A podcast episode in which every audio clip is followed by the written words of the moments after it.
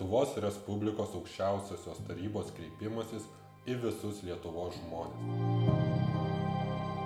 Lietuva yra žmonės. Po sunkiausių istorijos išmėginimų, po dvasinio ir fizinio genocido prisikelia šviesiam ir teisingam gyvenimui. Mes gavome verktiną palikimą, suirusią ekonomiką, nugyventą kaimą ir miestą, dvasiškai sulošintų žmonės. Šią atsakingą valandą mums reikalingas ypatingas ryštas ir tikėjimas savo jėgomis, darbais. Paremtas troškimas matyti civilizuotą, kultūringą ir humanišką Lietuvą, užimančią deramą vietą garbingoje Europos tautų bendryjoje. Kelias jon pareikalausi temti visas jėgas, aukotis tėvynės labui. Mes visi kartu su džiaugsmu pergyvename naują stebuklą. Stebuklas vyksta.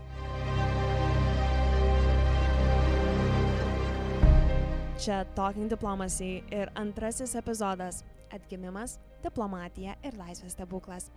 Šiandien švenčiame laisvę. Jau 30 metų laisvės. Ir tikriausiai nėra geresnio būdo suvokti šios datos svarbą, kaip nusikelti tos 30 metų atgal. Ir šiandien kalbame su kovo 11-osios įvykių epicentre buvusią ambasadorę Violeta Gaižauskaitę. Laba diena, Violeta. Labai dėkoju, kad esate antroji mūsų pašnekovė. Mūsų norėtume to pačiu ir paprašyti jūsų, kad galbūt prisistatytumėt žmonėm, kurie galbūt jūs mažiau pažįsta. Esu Violeta Gaižauskaitė. E, šiuo metu esu ambasadorė ypatingiam pavadinimam, dirbu Latino Amerikos, Afrikos, Azijos ir Ramijo vandenino departamente. Didelę gyvenimo dalį, kaip pasakyti, praleidau dirbdama žurnaliste ir tiesiog į valstybės tarnybą stojau tuo met, kai prisijungiau, kai prezidentas Valdas Adamkus pakvietė dirbti jo komandoje dalykas, kuris atvedė mus prie ambasadorės durų, tai kad 1990 kovo 11 ambasadorė buvo pačiame įvykių sukūrėje. Tiesa, kiek kitokiamis aplinkybėmis. Ambasadorė Gaižauskaitė įvykius sekė iš žurnalistų ložės, kaip sąjūdžio savaitraščio atgimimas korespondentė ta jūsų žurnalistės karjera iš tikrųjų 24 metai. Tikriem žmonėm, kurie galbūt dar nori tik būti žurnalistais, tai atrodo neveikiamas atstumas. Ar galite pasakyti, kaip prasidėjo ta karjera jūsų? Nežinau, kaip įvyko. Susipažinau su moksleivio redakcija. Tuomet ten dirbo tokia puikia poetė One Baliukonė. Ir buvo redaktorius Algimantas Zurba, buvo tikrai labai kūrybingumą skatinanti aplinka, labai laisva, nebūdinga tuo metu, na, sakykime, sovietiniai tikroviai. Buvo toks susikūrė toks neformalus klubas ir paskatino mane tiesiog kažką parašyti apie moksleivišką e, gyvenimą. Dar būdama moksleivė gavau komandiruotę į skuodą, kas atrodė neapsakomai toli, reikėjo pačiai nuvažiuoti, ten traukiniu naktį išlipau, nežinomam skuodė, reikėjo ten kažkokį konfliktą išnarplioti mokykloje kilusi. Ir baisiausia buvo tai, kad aš Vilnietė, na, kilmės iš aukštaitijos, na, jau tą mokyklą pradėjau kalbėti ir supratau, kad aš nieko nesuprantu. Grįžau namo, ne namo į viešbutį ir verkiau nes supratau, kaip aš ką nors parašysiu, jeigu aš nesuprantu, ką man sako tie žemaičiai. Na, tačiau tuomet turbūt supratau, kad reikia mokytis kalbų, net ir Lietuvos tarmių. Na, po dienos kitos jau ausis pradėjo pagavo ir visą kitą parašiau kažkokį straipsnį, jį spausdino, labai savim didžiavausi. Ir va taip prasidėjo, sakykime, kelias į žurnalistiką politinis savaitraštis atgimimas e, sulig pirmuoju numeriu 1988 m. rugsėjį tapo kelio link laisvos spaudos ir nepriklausomos valstybės simboliu. E, laikraščio redakcija, kaip sakė ambasadorė, teko susipažinti su Kazimieru Lazoraičiu, su ponu Richardu Bačkiu, kuris irgi ateidavo į atgimimo redakciją, nes mūsų redakcija buvo tarsi toks nu nemoku pasakyt Traukos kažkas centras. traukos centras ten atvykdavo įvairių žmonių iš viso pasaulio visi ateidavo sužinoti kažkokių naujausių naujienų pasidalint savo įspūdžiais nes e, iš tiesų ne tik rusijoje bet ir vakaruose žmonės didelė dalis žmonių nesuprato kas pas mus vyksta ką mes čia darom? Taip ir girdėdavau tokius tiesiogiai vat na net mūsų simpatikai bet sakydavo ką jūs čia bepročiai sugalvojot nu sako arba sakyk vienas iš mėgiamų tokių teiginių tai na netrukdykit gorbačiovui siaubas jis daro didžiulę perestroiką o jūs lietuviai viską gadinat. Nu čia gi bus karas kraujo upės ten žodžiu ir taip toliau ir panašiai Nepriklausomybės išvakarėse atgimo redakcijoje dirbo Lietuvos diplomatijai jau dabar, manau, tikrai puikiai pažįstamos asmenybės, kaip ambasadorė Astas Kaisgirytė ir Audronius Ažubalis. Ir būtent ta pati žurnalistų kompanija vėliau taps vienu svarbiausių įvykių Lietuvos istorijoje liudininkais. Tai būtent 90-ųjų metų kovo 11 dienos vakare. o į atgimimą tai irgi atėjau na dėl to kad e, tiesiog parašiau straipsnį savo pati niekieno neprašoma atgimimo priedui su klasėje kuris buvo platinamas irgi po visą tuometinę sovietų sąjungą. O aš parašiau straipsnį nes labai supykau kai vienas žinomas e, rusų rašytojas išvadino lietuvius žodžiu ten visokiais nacionalistais fašistais ir panašiai ir e, parašiau tą straipsnį jį išspausdino. E, ir po to po kiek laiko va taip bendradarbiaudavau tai va ir prisijungiau prie nu labai smagios e, puikios atgimimo komandos kuriai vadovavo mūsų idėjinis lyderis romualdas ozolas.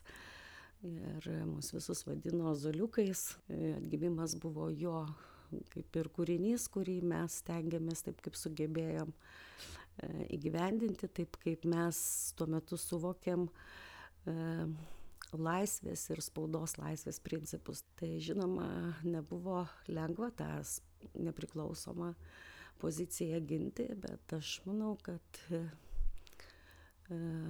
tai buvo labai reikšminga lietuvai nes parodė ir to reikėjo nes to meto atgimimas buvo neišpasakytai populiarus nepaisant to kad nebuvo e, ypač pradžioje jo leidžiama pardavinėti spaudos kioskuose Pakalbėkim apie labai įdomų laikotarpį, būtent 90-ų, tą kovo 11-osios dieną, vakarą, naktį. Pati dirbot, ar ne?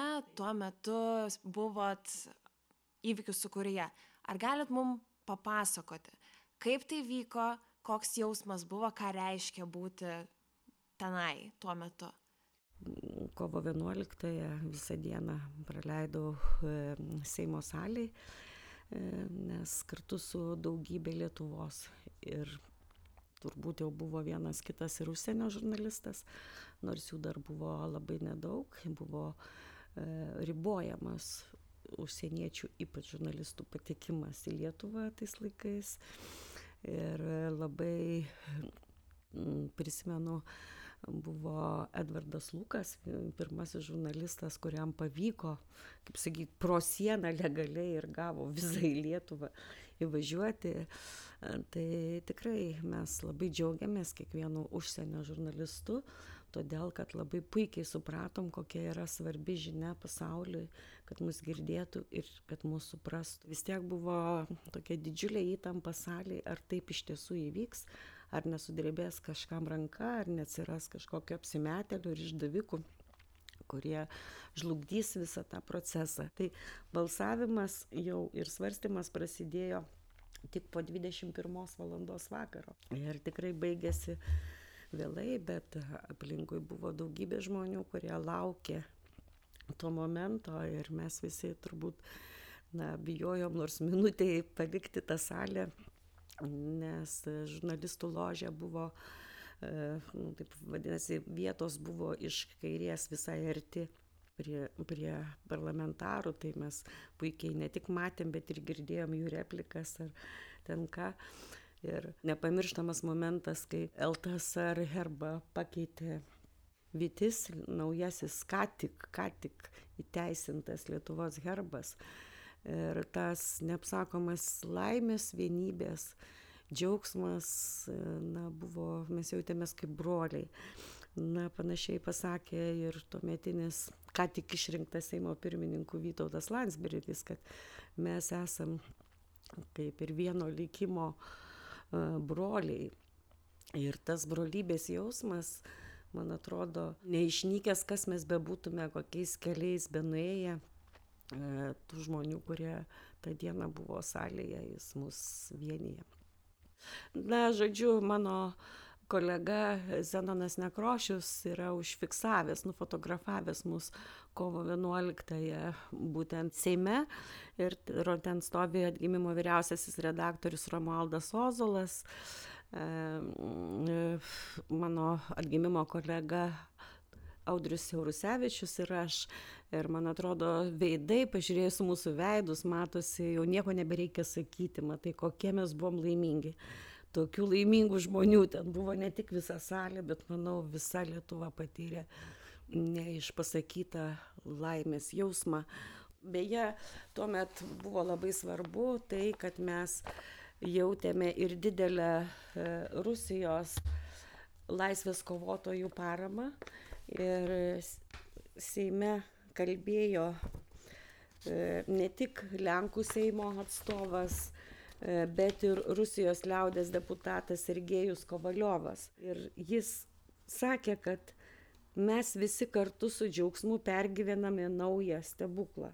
Stebuklas vyksta. Tai va tai, kai tu matai tikrą stebuklą vykstant ir kuriam irgi padėjai atsirasti. Tai yra labai svarbu. Man atrodo, mes lietuviai esam jau tada geriau buvom susitarę su savim, kas yra Lietuvos patriotai ir todėl mums pavyko šitas stebuklas, šitas laisvės ir demokratinės valstybės sukūrimo, atkūrimo stebuklas. Norėčiau ir pasuk pokalbį šiek tiek dar į kitą pusę ir pakalbėti apie žmogų, kuris iš tikrųjų ne tik patiems diplomatams ir diplomatinės sistemoms žmonėms žinomas, ir tačiau ir lietuviams tai yra Stasys Lozoraitis. Tai yra iš tikrųjų vienas iš simbolių Lietuvos diplomatinės tarnybos egzilyje. Tas veidas iš tikrųjų jis ir jo tėvas. Ir ar galite papasakoti iš tikrųjų, kaip jūsų ir gyvenimas ir karjera pasisuko ties juo ir, ir, ir, ir pasidalinti kažkokiamis akimirkomis ar momentais? Kai Stasys Lozoraitis su žmona Daniela pirmą kartą atvažiavo į Lietuvą, aš dirbau tuo metu atgimime ir parašiau apie juos, kalbėjausi su jais, jie gyveno tuometinėme draugystės viešbutyje, buvo labai šalta žiema, jo žmona Italė, labai šalo ir kambariuose buvo klaikiai šalta ir skurdu, tais laikais kaip ir visoje Lietuvoje.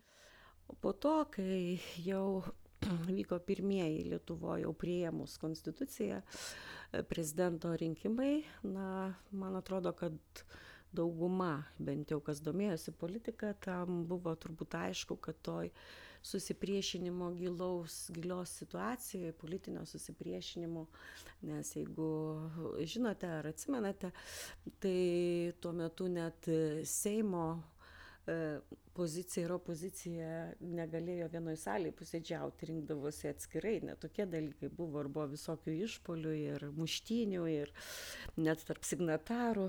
Muštinės Taip, taip, taip. Moterų net buvo grumtinių, o jau apie žodinės kovas, tai aš jums nenorėčiau cituoti, nes dabar turbūt, jeigu Seime tokiais žodžiais viens kitą kartais vadintų arba, arba muštusi, tai tam yra visokios etikos komisijos ir turbūt karjera greitai baigtųsi vieno ar kito Seimūno. na, žodžiu, buvo sunkus laikai ir iš tiesų, na, visada rinkėjai už kažkokius savo neįgyvendintus lūkesčius keršyje ir politinės švytuoklės principų buvo aišku, kad laimės tuomet jau Lietuvos demokratinė darbo partija pasivadinusi dauguma. Ir prezidento rinkimuose, aišku, visi tikėjosi, kad kaip gero ūkininko Lietuvos tvarkytojo vardą turintis Algirdas Brazauskas laimės prezidento rinkimus. Tačiau buvo ir kiti, kita grupė, ir, nu, sakykime, mano vienminčių grupė, kurie galvojo, kad Lietuvai negerai būtų toks visiškas susipriešinimas. Antra, jeigu Brazauskas neturės savo tolygaus kandidato, tai kokiegi čia bus demokratiniai rinkimai. Reikia tvirto, tikro europietiško, vakarietiško kandidato, kuris rodytų ir kitą alternatyvą Lietuvo žmonėms. Ir būtent mm, nus, tokie bendraminčiai susibūrė Stasio Lozoraičio komandoje. Na ir būtent ten ir susipažinau su rinkimų štabo vadovu iš arčiau Valdo Damkumi. Žodžiu, praėjome, kaip juokiamės, ugnį vandenį, tik varinių triubų nebuvo. Taip, bet tai buvo labai gera patirtis, o po to aš vėl sugrįžau dirbti į spaudą. Vat ir atsitiko taip, kad kai Valdą Damku išrinko prezidentu, jis tada pakvietė mane prisijungti prie savo komandos. O kuo darbas būtent prezidento kabinete buvo panašus arba kuo skiriasi nuo žurnalistinio darbo ir kaip tai padėjo arba kaip tai pakenkė? Tokie laikai buvo, tas darbas reikalauja ir ta profesija e, begalinio atsidavimo, nes tu turi būti laiku ir vietoje ir tada, kai reikia, ten, kur reikia ir padaryti darbą per tiek laiko, kiek tu jam turi laiko. Žurnalistika tikroji, kur iš šono gal atrodo tokia bohemiška ir profesija, labai reikalauja griežtos disciplinos, o svarbiausia savidisciplinos. Nes tu neturi prievaizdo kiekvieną minutę. Tu turi pats sa save suimti į rankas ir priversti dirbti tada, kada reikia. Tai ta prasme valstybės tarnyboje taip tai praverčia. Gebėjimas dirbti tiek, kiek reikia, tada, kada reikia. Ir iš tiesų kartais atsisakyti savo asmeninio gyvenimo. Na, būtent mano buvo idėja, aš domėjausi, kaip tvarkosi atitinkamos vakarų šalių e, tarnybos. Man labai buvo gerai, kad prezidentas Valdas Adamkus atėjo su tokiu supratimu, kas yra spaudos laisvė, kad nėra tabų, kad nereikia slėpti informacijos, o reikia ją dalinti. Tai buvo daug tokių naujovių. Ir atsimenu, kai vienam kolegai, ne kolegai, bet pažįstamam iš buvusios Brazausko pasa, e, komandos pasakiau, kad prezidento rūmose bus spaudai skirtas kambarys, kad nereiktų uh, broliams žurnalistams lai, lakstyti į redakciją tam, kad parašytų tekstą galėtų vietoj e, greitai viską pagaliau, kad galėtum operatyviai sukviesti visus į spaudos konferenciją. Tai man sakė, kad aš esu beproti ir sužluksiu per tris dienas, maždaug, kad mane suės visi tie baisus žurnalistiniai vilkai ir taip toliau, bet, na, aš turėjau savo supratimą antrą, kaip pasakyti, turėjau pritarimą paskambinau keliems pažįstamiems universitetų e, profesoriam ir sakau, atsiųskit man jaunimo. Na va, ir atsiuntė studentų kelis, aš iš jų įsirinkau ir visi sėkmingai irgi kūrėme nuo nulio kažką naujo, tai yra prezidento spaudos tarnyba. Ir, na, manau, kad Tai buvo labai įdomu, nelengva, labai sunku, visko buvo.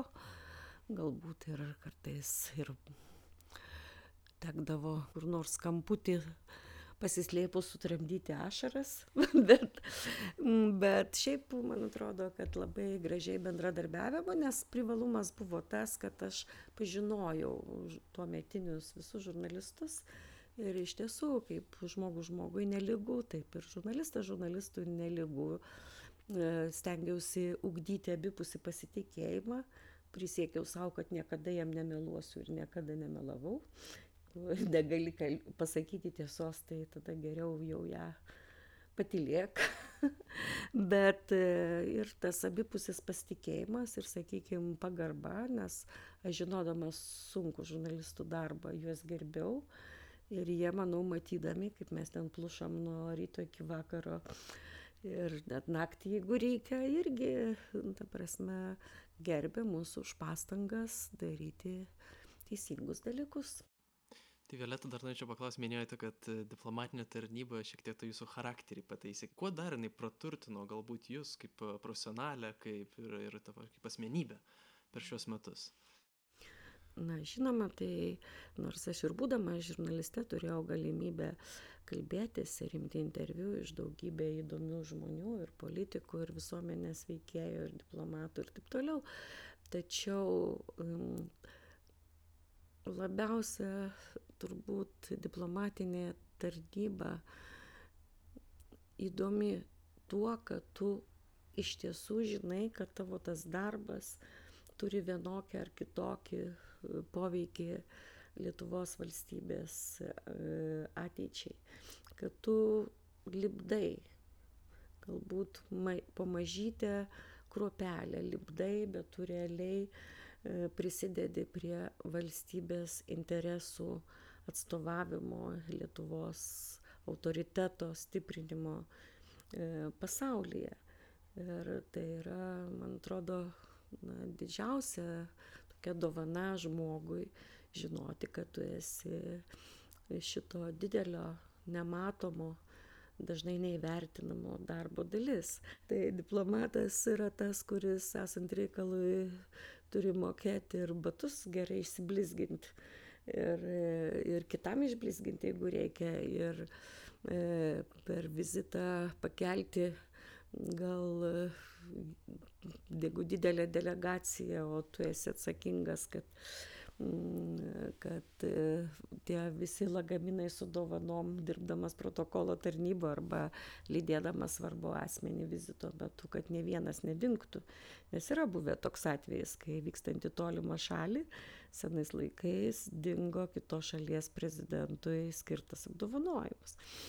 Tai visi senbuviai žino tą atvejį ir kas važiavo, ir kas dingo ir taip toliau, nes tai va tai reikia mokėti ir lagaminus, jeigu reikia ir penkis rankose laikyti, net ir pakelti net tada, jeigu nebepakeli, nes niekam neįdomu. Kaip, kad yra daugybė tokio nematomo, sunkaus, fizinio, kaip dabar sakytų, juodo darbo. Na ir kurį, kadangi mūsų diplomatinė tarnyba yra nedidelė, kaip, kadangi ir šalis nedidelė, mes neturim tiek žmogiškųjų resursų, tai pas mus dažnai e, vieno kokių trijų e, darbuotojų darbą daro vienas žmogus ir jis turi mokėti viską, viską, ką reikia, net ir e, gražiai pilti kavą, jeigu reikia, aukštam svečiui. Tai čia lengviausia iš to. Violeta, nepriklausomybės atkūrimo 30-metis, kovo 11, iš tikrųjų, ko palinkėtumėt Lietuvai ateičiai ir ko palinkėtumėt Lietuvą mylintiems žmonėms? Pasitikėjimo savo jėgomis, e, drąsos, atsakomybės ir pagarbo žmogui. Sėkmės Lietuvai. Lietuva tikrai išgyvens. Ačiū Jums labai tikrai už nuostabų pokalbį. Taip, iš tikrųjų esate nuostabi pašnekovė ir labai malonu įsiklausyti su jumis bendrauti. Ačiū, kad čia buvote. Pelnytas pavyras, bet vis tiek įdomu. Malonu.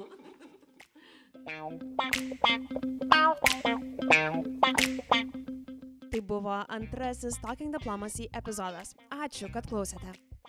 Nepamirškite sekti mūsų naujienų skirtingose platformose. Gal gali pasakyti, kuriuose?